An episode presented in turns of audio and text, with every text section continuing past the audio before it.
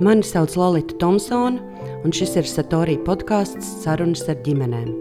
Katrā sērijā sarunāšos ar kādu Latvijas ģimeni, lai labāk saprastu, cik tās ir dažādas. Otrajā podkāstu sarunā Aivita stāsta, kā viena audzinājusi vairākus bērnus, palūkojas uz mūsdienu Latvijas ģimeni no antropoloģiskas perspektīvas, kā arī skaidro, kas ir privilēģijas un seriālā monogāmija. Kāds tev šķiet šobrīd ir populārākais ģimenes modelis Latvijā? Nu, to mēs zinām. Tas ir viens vecāks ar vienu vai vairākiem bērniem. Tas vecāks pārstrāja māte? Protams. Un, bet nu, es domāju, ka tas, tas nav viens vecāks. Tur noteikti ir kāda vecmāmiņa vai tante aiz muguras. Un, mums īsti pat nav tādu statistikas rīku, lai mēs varētu tos ģimenes modeļus noķert. Bet tā ir arī plašāka problēma. Piemēram, ja mēs skatāmies uz Eirostatu, um, un tur jau pirms uh, un, un, un demogrāfijas ziņojumiem Eiropas Savienības, nu, tur jau pirms gadiem desmit ir pateikts, ka vairs ģimenes salīdzinoši pētīt nevar. Tāpēc, ka ģimeņu tā definīcija un tas, kā, kura, kurā valstī kas ir ģimene, to vairs nevar salīdzināt. Un tās ģimenes jau arī nu, plūstošas mainās. Nu, nevar pateikt, kāds ir mans ģimenes modelis. Nu, pēc, mums ir seriālā monogāmija, mēs mainām partnerus un, un mēs kustamies. Un, jā, un, tas normatīvais regulējums, tas vecais 20. gadsimta sākuma civil likums vienkārši netiek līdzi.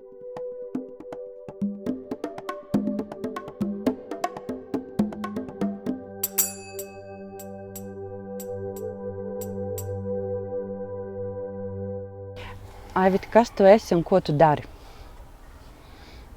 Nu, man droši vien tā pirmā identifikācija tomēr profesionālā. Un, un es esmu antropoloģe un, un, un man pē, patīk, jā, gan interesē, gan patīk pētīt cilvēku attiecības. Un tā mana nu, galvenā tēma, kas, kas man ir bijis tāds nu, galvenais motīvs, tad, tā ir bērnu dzimšana kas man liekas nu, fantastiska parādība. Vai tas ir saistīts ar to, ka tev pašai ir četri bērni? No vienas puses, jā, tāpēc tas ir tāds nu, vienkārši burvīgs nu, radīšanas moments, un, un, kas paceļ varbūt ne tikai to pašu sievieti, kura dzemdē, bet nu, arī tos, kas ir apkārt. Un, un, un tā es esmu ielavījusies vēl vairākās dzemdībās, un, un, un es esmu varējis baudīt to eifóriju, nebūdama medicīniskais personāls. Vai, vai tas ir kaut kādā veidā saistīts tas, ka tu pēti Latvijas ģimenes, um, ka tu gribi kaut kā uzminēt, par ko viņas ir, ap ko viņas ir, kādas tad ir tās Latvijas ģimeņu vērtības? Man liekas, ka ģimene vispār, nu, nu, tas ir Tā ir fantastiska lieta, ko pētīt, tāpēc ka ģimenes strauji mainās. Un īpaši 20. gadsimtā, kad es rakstīju disertāciju, savu 90. Mm, gadu otrā puse, kad ienāca ģimenes dzemdības, un tad caur šo te gan pašu dzemdību regulāciju, gan, gan medicīnisko, gan dažādu nu, ģimenes tiesisko attiecību regulācijas maiņa tika pieņemts um, atkal ir atjaunots vecais civil likums. Uh, un, uh, nu, caur to nu, tas tāds, tā tāds iegrieziens, ka var redzēt, uh, nu, kā, kā mainās gan cilvēku paradumi, domāšanas veids, tradīcijas. Un, un, un tā maiņa ir tā, kas mani ārkārtīgi fascinē. Vai tu šobrīd audzini bērnus viena pati? Nu, nosacīt audzinu, par laimi man jau viņi ir izaudzināti. Un, un, un, nu, lielāko daļu man nav bijis jābūt vienai. Un, un arī tagad es neesmu gluži viena, tāpēc, ka man ir burvīgi vecāki un, un īpaši burvīgs tētis, kurš uh, ir palīdzējis man īpaši jā, ar trīs jaunākajiem. Un, un viņš ir bijis nu, tas galvenais stiprais balsts, kas to visu ir iznesis. Vai intervējot cilvēkus, tu, tu intervējies ļoti daudz dažādas ģimenes. Kas ir tie stāsti, kas tev šķiet šobrīd to laikmetīgo ģimeni visvairāk raksturo? Kas ir tās tikšanās, kas tev ir visvairāk ietekmējušas? Nu, droši vien mans jau gana pasens pētījums par uh, viena dzimuma uh, partneru ģimenēm. Un, uh, tas bija tas jautājums, kas, kas man nāca no vienas sievietes, kuras intervēja pētījumā par vīriešiem Latvijā. Viņa teica, kā homoseksuālie cilvēki to dara. Un, viņa pati bija nodzīvojusi ar vīru, gan um, tādā ilgā laulībā. Viņa to vīru bija izglābusi. Nu, tādā nozīmē, ka ne ciemā visi viņas vīra vecuma vīrieši jau bija nomiruši, bet viņa savējo um, vīru vaktēja, viņš gāja uz ansambli dziedāt. Un pēc tam tie vīri gāja uz krogu, tad viņš uz krogu negāja. Sieva atnāca pakaļ un aizvilka mājās. Un, un, um, nu, viņa tā ļoti pieskatīja to savu vīru. Un, um, Un tā vīra intervija savukārt bija tāda, ko nevarēja salikt kopā ar sievas interviju. Viņa dzīvoja pilnīgi dažādas dzīves. Un, un tas, kas viņu noturēja kopā, bija tā heteronormativitāte. Nu, proti, ka viņš ir vīrietis, par ko jārūpējās, un viņa bija sieviete, kura rūpējās. Un viņi man uzdeva to jautājumu, kā tad homoseksuāli cilvēki to dara. Un, un tas bija tas, jā, viens jautājums. Un, Un, un, un tad tie, tas pētījums, tas bija fantastisks sarunas tieši ar jā, viena dzimuma partneriem, nevis mamām un meitām, vai, bet vairāk partneriem. Un to, cik nu, lielu ieguldījumu un nozīmi viņi piešķir attiecībām. Un, un cik tās attiecības ir vērtīgas un, un cik paradoxāli nu, to attiecību tā nepamanīšana vai nevērīgums atkal bija manāms mammu meitu attiecībās. Un, un tad, jā, no, no, no šīm te intervijām es pati diezgan daudz mācījos par to, nu, ka tās attiecības ir jākopja un, un, un kādi tad, nu, ir tie veidi. Un, nu, ka tev nav tāds pats par sevi saprotams, ka tur vienam tāda forma, otram šitāda un viss dabiski sajiet kopā. Un, un, un viņi padarīja redzami to nu, skaistu attiecību darbu. Vai tas mainās kaut kādā veidā, ka tev jāiet uz skolu, uz skolu, uz kādām vecāku sapulcēm? Uh, Tu redzi, ka iesaistās vairāk, ir māmas, ir tēti. Tas kaut kā ir mainījies pa tavu visu to laiku, kamēr tu savējos audzini.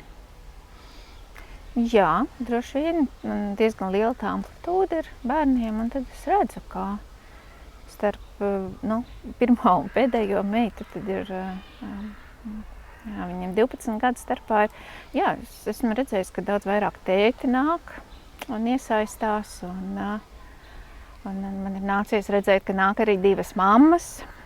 Un, un, un skolotāji visi ir atbalstoši. Un, un tā lieta nu, nu, paliek tāda normāla. Un, bet man liekas, ka visas tās lielākās pārmaiņas ir nu, pašos bērnos vai jauniešos. Jo tā kā par, par seksualitāti saistītām lietām vairs skolā nerunā, tad tā vieta nepaliek tukša, tad jaunieši skatās seriālus un skatās ārzemju dažādus kanālus. Un, Un, un tad es esmu sapratusi, ka nu, gan, gan neitrāla dzimta ir ok, gan, gan dažādi transdzimuma veidi ir ok pusauģiem. Bet nu, sāpīgākais ir tas, ka nu, viņi to patur pie sevis un viņi par to runā tikai angliski. Tev liekas, ka ir mainījusies attieksme šobrīd, kopš tava pētījuma, tu diezgan ilgi to nodarbojies, pret um, vienzimumu ģimenēm, pret uh, vientuļiem vecākiem, kas vieni paši audzina bērnus. Kā tev šķiet, kā pētniecei? Un no savas pieredzes arī, kā tev šķiet, kā viņš ir bērnu mammai? Mm, es domāju, ka mainās situācija, un cilvēki nu, to arī rāda pētījumi. Cilvēki paliek atvērtāki. Un, un, Uh, un droši vien ir vairāk runā par, uh, par visām šīm lietām, un varbūt nav tik liela stigma uh, tam, ja vecāks nu, tiksim, audzina bērnu viens. Es domāju, ka tas sabiedrības spiediens tagad ir mazinājies. Un, Bet, nu, protams, ka es atceros, man arī no vienas sieviešu žurnāla zvanīja, ka viņam piedzima ceturtais bērns un, un saka, viņi grib ielikt tādu maziņu rakstiņu. Un gandrīz pirmais jautājums, ko viņi man uzdod, ir, kāpēc jums ir ceturtais bērns, jums taču jau trīs ir? Un, nu, nu, tāda, nu, tādas smieklīgas lietas parasti nākas dzirdēt. Un, nu, kaut kāda tā norma jau droši vien cilvēkos sēž iekšā, bet es nevaru sūdzēties, es pati esmu privileģēta, nu, tāpēc, ka es esmu heteroseksuāla, man ir tie bērni, protams, es esmu atražojusi uh, valsti, un, uh, un starp citu, tādā vienzimumu pāru pētījuma prezentācijā, kas bija vienā no Latvijas praidiem, Un toreizējais bērnu ģimenes lietu ministrs arī tur bija klāt. Un, viņš bija ārkārtīgi šokēts, ka vienzimumu partneru ģimenē savu bērni, jo viņš bija iedomājis, ka tā nevar būt. Viņa pirmā reakcija, cik tos bērns vajadzētu vispār ņemt ārā. Un, un tad viņu piebremzēja. Un, un, bet, jā, es domāju, ka tagad tas vairāk nebūtu bijis iespējams. Ka mēs jā, mēs, par to vismaz runājam un mēģinam saprast. Un, un galu galā kāds feminismu iedīgls mums arī beidzot ir parādījies kopš 2008. gada. Un cilvēkiem ir kaut kāda izpratne arī par uh, dzimtes lomām un nozīmi. Kā tu domā par ģimenēm, kas dzīvo uz nabadzības sliekšņa? Kāda ir, kāda tad ir Un kādas tad ir tās atšķirības? Eh, jo mūsu sabiedrībā, kas nav diezgan vienlīdzīga, eh, tā jau principā ir cilvēka paša vaina. Vienmēr tiek vainots, nu, ka tu nemāki nopelnīt, un tad tev nav tas auto, tad, uh, un tad vai tu esi pamests viens, jo visi ir aizbraukuši uz Angliju peļņā. Uh, un tu pats arī audzini tos bērnus, vai tā vecmāmiņa audzina. Vai kāds ir tas eh, tieši ekonomiskais, sociālais aspekts, eh, kā tu redzi Latvijas ģimenes? Nu, Nu, tas ir liekas, apusējs process, jo nu, tas eh, nu, naudas dalījums vai tiksim, atalgojuma līmenis noteiktās profesijās jau pielāgojās nu, tam tai, tai sociālajai stratifikācijai vai tai nu, mūsu gradācijai par to, kurš tad ir mūsu rūpju vērts un kurš tad ir sērošanas vērts cilvēks. Un, un teiksim, pedagoģikas sieviešu profesija tā ir zem atalgota.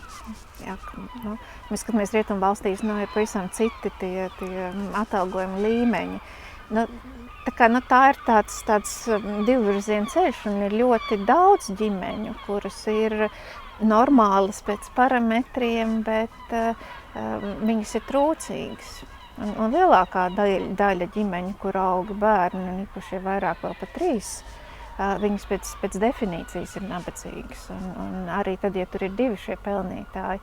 Bet tur ir tā, tā lieta, ka gluži tāpatās, kā uh, visi vīrieši gūs dividendes no hegemoniskās maskulinitātes, tāpat arī nabadzīgās ģimenes, kuras ir heteronormatīvas, nu, viņas to savu cieņu var uz, tik un tā var uzturēt uz šīs heteronormativitātes rēķina. Un, un, un tad tās dividendes nāk arī no tā. Un, un tas, man liekas, nu, ir tā nu, ārkārtīgi varbūt nu, skumji. Un tu domā, kā satversmes tiesnes, tiesnes kā uh, Osipovs kundze teica, vai Latvijai ir visi bērni dārgi. Visi viņas bērni dārgi. Nu, man liekas, ka Latvijā vispār bērni nav dārgi. Nu, mums, nu, tādā praktiskās loģikas ziņā mums bērniem absolūti nav vērtības. Un, un, un, un, un tā ir tā problēma. Kā man viens ekonomists pāris intervijā teica, bērni ir ilgtermiņa investīcija, kas mūsu ekonomiskos apstākļos neatmaksājās. Un, un, un, jā, mēs varbūt par to šausmīgi skaļi nu, tā, tā bļaujam, ka pat ja skaļāk bļaujam, jo, jo tā, nu, tā, tā vērtība bērniem devalvējās. Un, un, nu, ja mēs esam tomēr tāda neoliberāla kapitālisma sabiedrība, un, nu, mums attiecības jā, nav, nav vērtība. Un, es ne, negribu runāt par visiem cilvēkiem. Nu, daudz bērnu ģimenē, tā kā manā ģimenē, mēs, protams, ka mums tas kapitāls ir attiecības. Jā, un, un tur ir tas paradoks, ka, uh, nu, jā, ka cilvēki, kuriem to attiecību pietrūkst, viņi mēģina to, to naudu, ko viņi nopelna, konvertēt attiecībās. Un, un tad ir tie vecāki, kuri strādā bezmaz 24, 7 un jūtās vainīgi, un pirms skrien uz veikalu to savu 247 nopelnīto naudu konvertē patēriņa precēs. Un, un, un tā mūsu konvertācijas iespēja atkal ir nevienlīdzīga. Tu esi ticīgs cilvēks? Nu, es tā gribētu domāt. Vai tu redzi atšķirības starp ģimenēm, kas ir baznīcā, tos, ko tu satiec draudzē, un ārpus baznīcas? Es domāju, ka, ka nē, ka drīzāk tā ir kaut kāda cita lieta. Ka ir, ir cilvēki, nu, kuriem ir katram savi izaicinājumi. Un, un ir tādi, nu, kuriem ir izaicinājums skatīties uz tiem pārējiem. Vai, tiksim, izaicinājums viņiem, jā, ka uh, viņi domā nu, tādā normatīvā līmenī. Un, uh, Jā, bet, bet katram ir savs. Man, man atkal ir pavisam citas izaicinājumi, problēmas. Un, un, un līdz ar to man liekas, ka tai ticībai nu, nav nekāda nu, tieša cēloņa sakarība ar nu, to, vai, vai mūsu hobijs ir saskatīt to skabargu tuvāk acī. Nu, Jēzum gal galā arī bija ļoti alternatīva tā ģimene. Nu, man liekas, tā viena no tām nelaimēm, ka mēs uz to jēzus ģimeni skatāmies no šodienas perspektīvas. Un, un te nāk iekšā nu, tas mans nu, antropoloģijas profesionālais kretīnisms, un es kā antropoloģi zinu, ka pasaulē savukārt populārākais dabiskās ģimenes modelis ir poligīnija. Tas nozīmē ko? Profesors Daudzsievība. Kundze. Tas nozīmē, ka vienam vīrietim ir daudz sievu? Jā, vienlaicīgi. Mums ar tā ir, bet eh, nu, tas nav tāds dominējošs modelis. Mēs vairāk esam ne tā seriāla monogāma kultūra. Un, un tas man pārsteidz, ka nu, to var arī neievērot. Nu, tas man liekas, tas kabargs ir nu, nu, tā, nu, tāda milzīga bāķa lielumā, bet, bet, bet ir cilvēki, kas to nepamana tik un tā. Mēs tieši runājām vienā intervijā par dzimtas kokiem. Uh, tas bija vienzimumu pāris un divas sievietes, un viņas audzina divas meitas. Un tas bija tieši tas pieprasījums, ka uh, ģimenē mm, ir jārisina jautājums, ja skola tev ir iedevusi gatavu schēmu tam kokam. Tur nav nekādu iespēju. Tur vienīgi, ka tu vari svītrot kaut ko, nodarboties ar uh, ar eh, jaunradi, ka uz bērniem nepatīk darīt. Viņiem jau tomēr patīk pēc tā, nu, kā ir uzrakstīts, kā skolotāji ir uzrakstījuši, tā to vajag pildīt. Mm -hmm. Tu redzi tam kaut kādu risinājumu?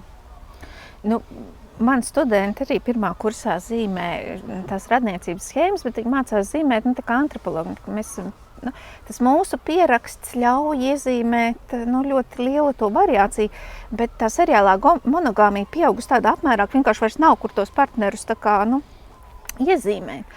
Un tā kā daļa no tiem studentiem ir tādi nu, taupīgi, viņi mēģina man iesmērēt tās skolā zīmētās eh, tos dzimtes kokus. Un es parasti viņiem lieku pārzīmēt arī uz tāfeles, un tad viņi redz, ka jā, viņi ir izlaiduši bijušos vecāku partnerus, vai bioloģiskos tēvus, nu, proti, nu, ta, tas tur ir. Un, tā kā, jā, nu, nu, pat jau vairāk kā 20 gadus es lasu to antropoloģijas ievadu kursu, mēs zīmējam tās schēmas. Un tā kā nu, tur ir vairāk simti studenti, man izgājuši cauri, un tas, ko es redzu, jā, ka te, dzimtes koka paliek, tā teikt, ar vien caurāki un tādi Un, un tas ir fantastiski, kāda ir jā, šie jaunie attiecību noteikumi un jaunās ģimenes, un kur teiksim, šķirtie partneri vēl tiekās un sarunājās, un kādos gadījumos nerunājās. Un tur izrādās, ka viens no galvenajiem faktoriem ir attiecības ar šo bijušo vīrmāti, piemēram, vai, vai sievas māti. Kura tad ir tā, kura tad kalpo kā tas pavadiens tam vecākam, kas ir aizgājis no tās ģimenes un bērniem. Un, un ir tādas dzimtas, kur pat mierīgi trīs sievas, vien, divas bijušās un viena tagadējā mierīgi sēž pie galda. Jā, tas neienāk prātā, domājot par ģimeni. Mēs kaut kā ļoti šauri par to domājam. Nu, tāpēc, ka mēs domājam tādās dzimtas schēmās, nu, mēs domājam nu, tajā konceptu līmenī.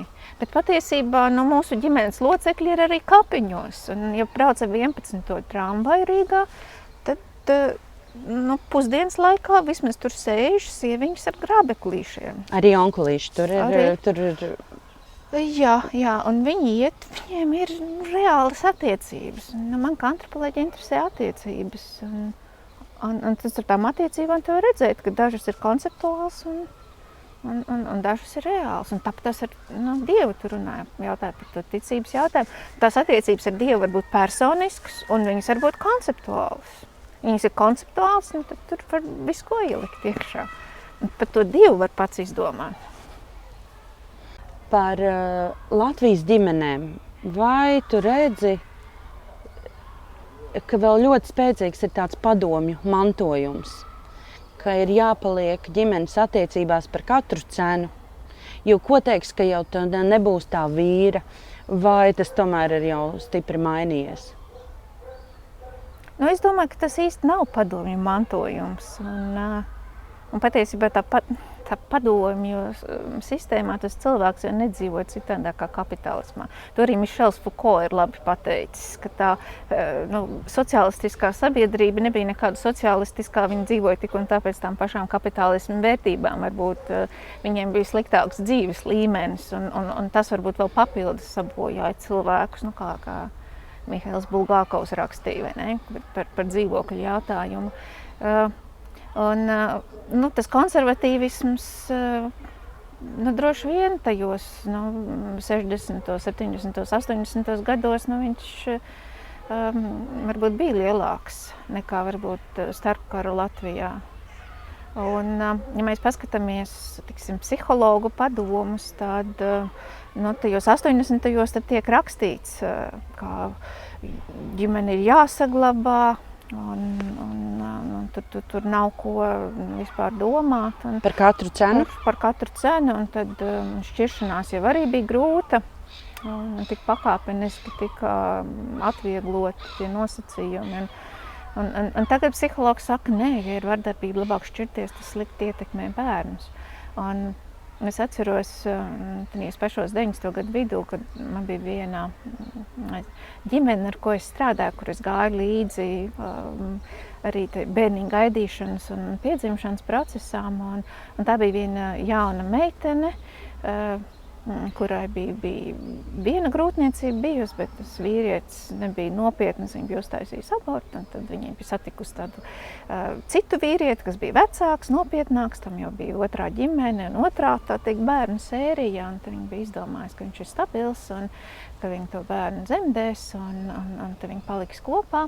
Un es runāju ar viņas mammu, un viņas mamma savukārt viņa bija mm, to meiteni piedzemdējusi 70. gados. Un, uh, viņi bija dzīvojuši pavisam citu dzīvi. Uh, abi divi mm, autonomi, nevis, nevis tas vīrietis uzturējis uh, sievieti, bet abi divi, abiem diviem bija alga, abi divi katram bija savs maciņš, abi divi vienojās, kas ko ieliek. Un, kad meitai bija 18 gadi, viņa skaisti izšķīrās, un viņa pat nestrīdējās savā starpā. Un, savukārt vecmāmiņa, kur bija dzīvojusi starpkā Latvijā, viņa teica, ka viņa to galīgi nevar saprast kā šī meita ir izdarījusi. Un, tā taču tāda vērtība, viņa pastāstīja par sevi, nu, ka viņu no malas viss ir skat, uzskatījuši par tādu ļoti labu pāri. Un ka viņa strādājusi pie tā, ka vīrs piedzēries ir nācis mājās, iekaustījis viņu, viņu, viņu nolikusi gultā, novilkusi apavus, noģērbusi un, un apmazgājusi. Un, un neviens nav zinājis, ka viņai ir gājis slikti. Nu, tā kā tā, nu, es domāju, tas attiecība evolūcija, tas gadījums, nu, tā, parāda, bet man liekas, visos laikos ir tās attiecības bijušas krietni nu, arī dažādākas.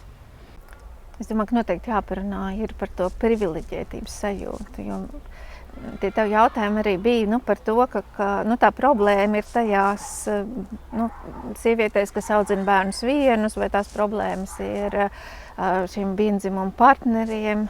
Bet, nu, ja mēs tā empiriski skatāmies, tad tās nav šo cilvēku problēmas. Tās problēmas ir nu, tajā otrajā galā un tajā savā privileģētības sajūtā. Un tajā, kā nu, cilvēks jūtas nu, vērtīgāks par otru cilvēku, tāpēc ka viņš ir heteroseksuāls, tāpēc ka viņam ir pielaulāts dzīves biedrs vai noteikts bērnu skaits. Es to pati labi arī zinu, tiksim, prezentējot pētījumu par vienzimumu partneriem. Tas, ka es esmu heteroseksuāla sieviete, māte, nu, tas man padara nu, tādu drošu, bet viņš man, tā, tā man pozīcija dod man arī tādu nu, autoritatīvu nu, statusu. Bet, nu, protams, ja tas būtu vīrietis, kā man vien, vienā raidījumā aicināja runāt par, par dzimumu līdztiesību, tad vai jums gadījumā nav kāds vīrietis, kas to varētu parunāt? Mēs zinām, ka jūs orientēties šīs lietās, bet, nu, ka vīrietis pateiks, nu, tas tā kā skanēs labāk. Un tā privileģētība nu, ir balstīta tādā heteronormativitātē un heteroseksuālā aktā. Un tā, tas, tas dabiskums ir nu, tā tāds uh, āmen virsū, uz, uh, kas, kas pasaka, nu, ka es esmu labāks par to otru, tāpēc, ka man ir uh, šitais, vai man ir krāniņš, vai ka man ir uh, sieva, māja un suns un mašīna. Un, un, un, un tā droši vien ir tā, tā, nu, tā nelaime, ka mūsu sabiedrība ir nu, ārkārtīgi nu, nelīdztiesīga un noslāņojusies, un ka mēs par attiecībām domājam nu, tādās uh, varas pozīcijās. Man ļoti patīk uh, Judītas Butlers pēdējā grāmata par uh, nevardarbības spēku. Proti, ka, nu, vai mēs jūtam nu, līdzjūtību, vai mēs, mēs līdzjūtam citu cilvēku ciešanām, un tas, cik lielā mērā šīs sērošana vai citu cilvēku ciešanas ir līdztiesīgi sadalītas. Un tad, kuri cilvēki, nu, manā skatījumā, ir nu, manu rūpju, manu uzmanības, tiksim, kādu pūļu vērti. Un tā varbūt ir tā, nu, tā liekas, trakākā lieta, kas Latvijā ir. Ka, uh, mēs nu, tos, to, to, to savu pozīciju un, uh, nu, un savu nu, pašu identitāti tad, uh, veidojam pakāpjoties uz citiem cilvēkiem. Kāda domā, vai, vai šī pandēmijas pieredze, kas mums tikko bija, ka pēkšņi bija jāmeklē tā cita valoda. Tu vairs nevari teikt, tu drīkst tikties tikai ar ģimenes locekļiem. Nu, tieši tāpēc, ka tur tās ir sieva, kas nav sieva, un vīrs, kas nav laulāts draugs, bet patiesībā dzīves partneris, bērna tēvs. Tad tika atrasts tas risinājums, kas bija tās mājsaimniecības. Un, uh, domājot vienkārši par to valodu, kā, uh, kā, kā par to tika domāts un runāts, ka mēs esam vai neesam viena maisaimniecība. Kā tev šķiet, tas kaut ko maina cilvēku apziņā, un vai mums vispār ir cerība tikt tuvākās desmitgades laikā pie dzīvesbiedru kaut kādas likumiskās aizsardzības? Nu, tā ir ne tikai pandēmija, mēs skatāmies sociālo darbu tur vienmēr ir bijušas maisaimniecības. Tur neviens neskatās, vai ir papīrs, bet iet pārbaudīt, vai nestāv čībiņas un zoba birstu vānu sistēmā. Un, un, un, jā, tā kā nu, pandēmija droši vien tas varbūt kaut kā pastīja pa to regulējumu arī uz pāriem, kurus sociālie dienesti neapmeklē. Bet tas neatceļ to jautājumu, ka mums nav valoda. Jā, tas mammas, jā, vīrs ir nu, galīgi dīvains jēdziens. Kaut gan daudz bērnu ļoti organiski saka, man ir vairāki tēti. Un, un droši vien, nu, ka, ka viņi ir atraduši to, to, to savu risinājumu, bet bez sankcijas tas risinājums jau īsti un tā nedarbojās, ja mēs nerespektējam šo uh, terminoloģiju. Vajadzēja kaut ko uzmundrinošu, beigt ar kaut ko, kad ir cerības. Manas cerības būtu uz to, ka, ka tiks pieņemts tas dzīvesbiedra likums, lai vismaz ir, ir valsts no savas puses ir pateikusi, ka mums šīs visas tās ģimenes ir svarīgas. Nu, no sabiedrības puses, protams, uh, jo kaut kāda saprātīgāka un iekļaujošāka mēs esam. Jo arī tiem bērniem, kas aug dažādās ģimenēs, viena vecāka ģimenēs un, un vienzimumu ģimenēs, arī domāju, tā dzīve sabiedrībā varētu būt uh, daudz vienkāršāka. Jā. Man jau gan liekas, nu, ka no tās ārpuses, mainot to struktūru, nu, tas efekts varbūt nebūs tik ārkārtīgi liels kā tad, uh, nu, ka mēs katrs pēkšņi labprātīgi sāk paskatīties nu, uz savu dzīvi un to savu baļķu acīs, nu, mēģināt redzēt. Un, un, un, un tad, kad mums mainīsies tas skatījums, nu, mēs um, notīrīsim tās savas brilles, nu, tad mēs arī tos pārējos redzēsim citādāk. Bet nu, tā skatījuma maiņa nav iespējama, kamēr mēs paši nemainamies. Tāpēc, uh, jā, man liekas, ka mums ir jāsāk ar mazumiņus. Es tāpēc arī nodarbojos ar absolūti bezcerīgu lietu. Mm, augstākās izglītības sistēmā es joprojām lasu lekcijas studentiem. Un, un es priecājos, ka vismaz kaut kāda neliela daļa cilvēku varbūt mainīs to skatījumu. Jo nu, tādu sabiedrību kā tādu, man liekas, mainīt vienkārši nav iespējams. Tā maiņa uh, nu, vienmēr notiks nevardarbīgi mūsos um, iekšā. Un kādreiz nu, pat tādas nelielas tikšanās ar cilvēkiem um, nu, var izprovocēt to, ka nu, vairs negribās dzīvot tā, kā es dzīvoju agrāk. Un pēkšņi ieraudzīt uh, nu, pasauli kaut kā citādāk. Un, Man arī gribētos ticēt, ka tie cilvēki arī nu, kļūst laimīgāki. Nu, tad, kad viņi nobružā nost to konceptuālo saukļu līmeni un, un pēkšņi ierauga, ka tas otrs cilvēks ir daudz fantastiskāks par to tēlu, kas mums ir galvā.